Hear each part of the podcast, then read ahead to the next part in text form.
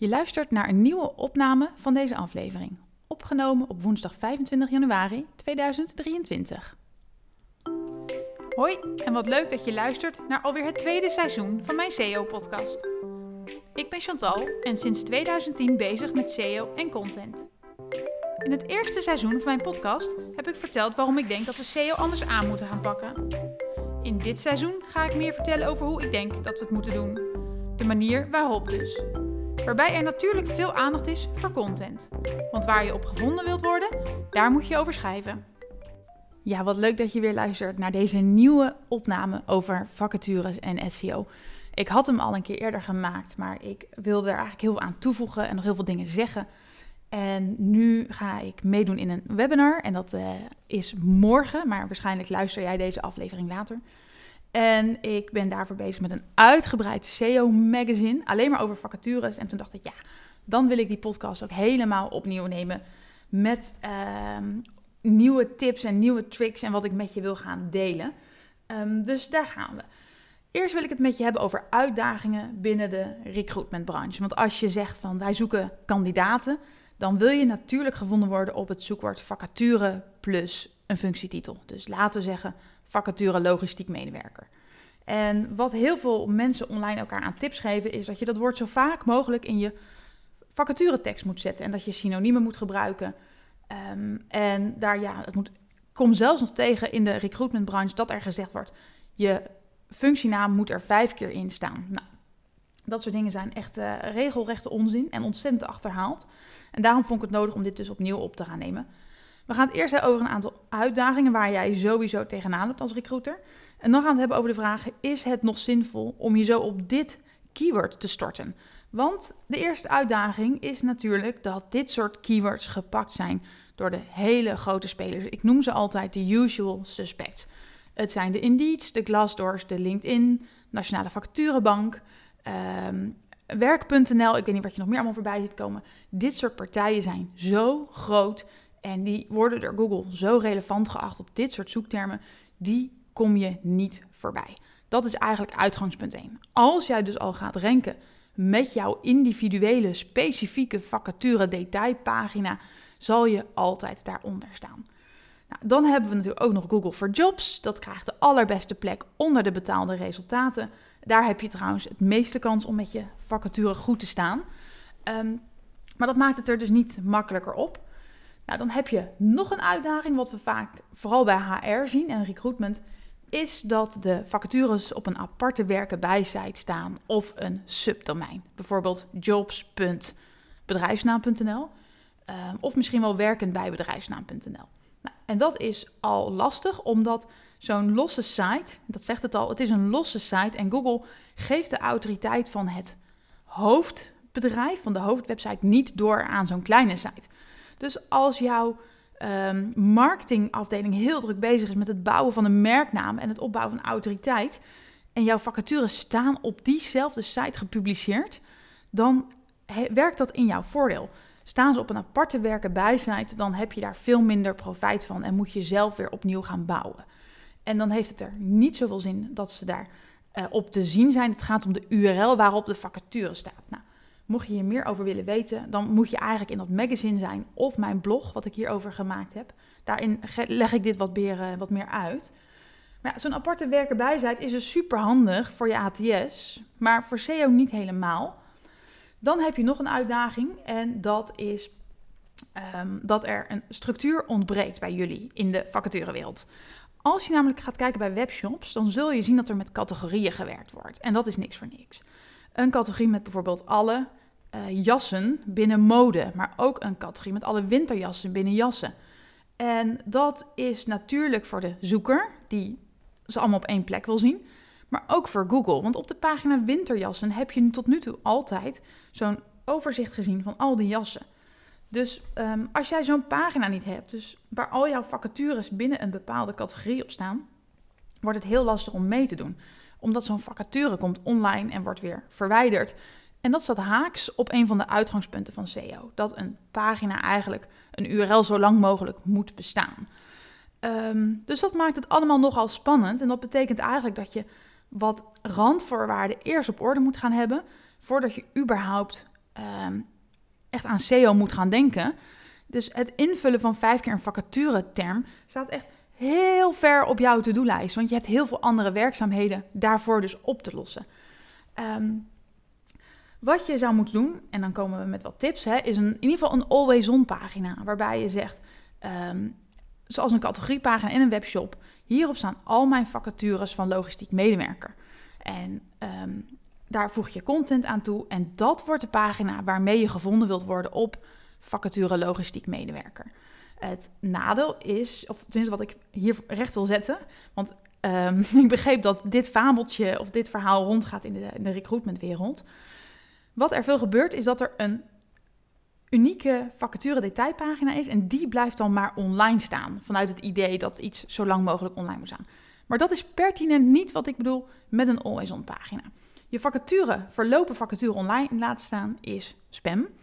Een aparte always-on pagina is een soort van um, landingspagina waarop je al je vacatures hebt staan en die relevant gaat worden.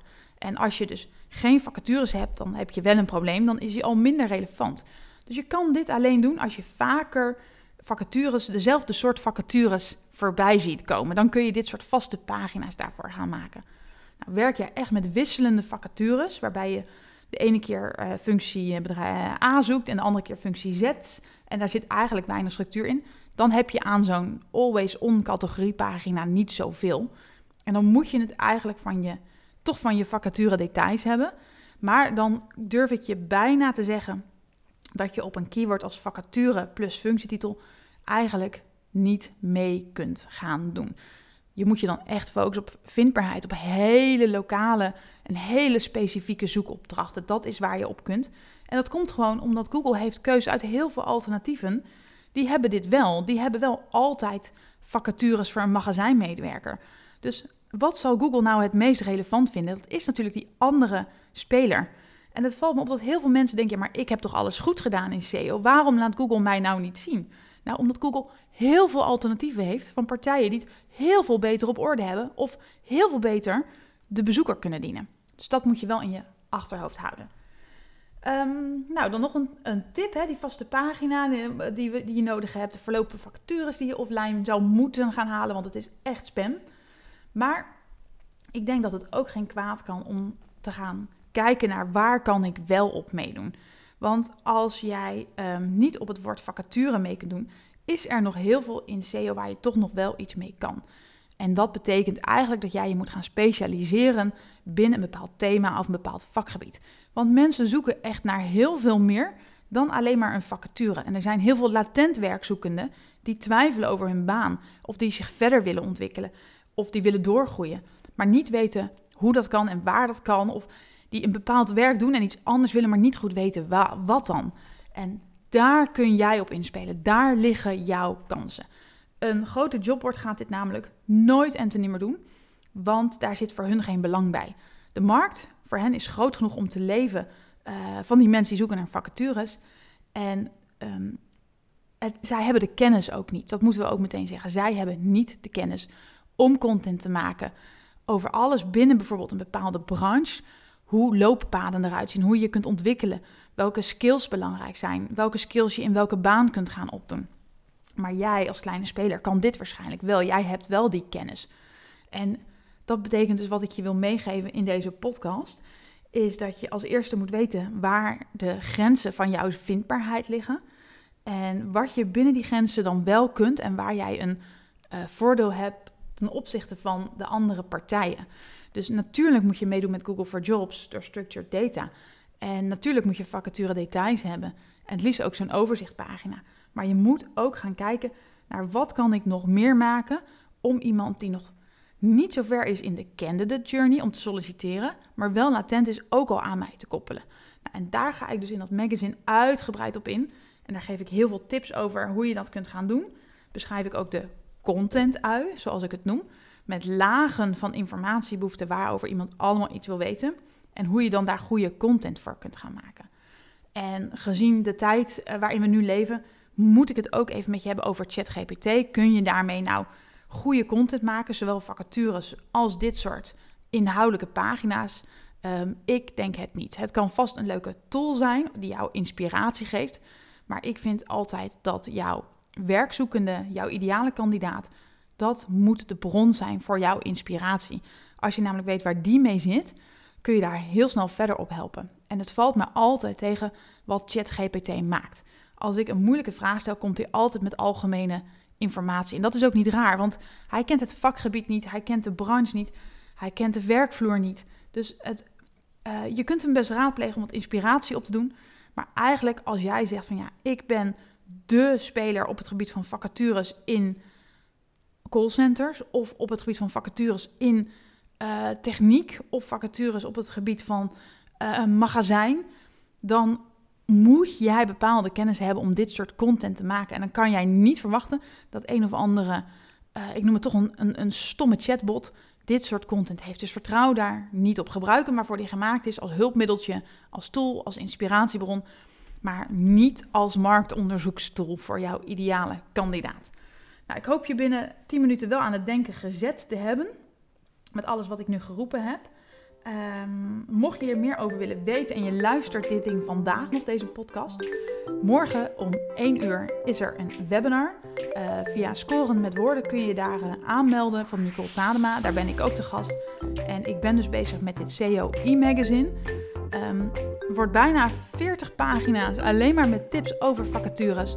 Met tips van um, specialisten. Nicole geeft een tip, Ramon Gulekers geeft een tip en Bastiaan Verkouteren geeft een tip. Ramon werkt voor RGF Staffing en het is een uh, label met grote uitzendbureaus. Bastiaan is um, blogspecialist die van alles kan vertellen over goede content. En ik kom vanuit die SEO-invalshoek. en als je denkt, maar ik heb niet zoveel verstand van SEO geen probleem, daar ben ik echt van uitgegaan. Um, dat magazine moet half februari klaar zijn. Je kunt het nu pre-orderen voor een speciale pre-orderprijs van 9,95 inclusief btw. Na livegang wordt die uh, duurder. En daarin vind je gewoon alles wat je moet weten. En een eerste houvast om um, goed aan de slag te gaan met SEO en vacatures. Ik wens je heel veel plezier en wie weet hopelijk tot morgen in de webinar.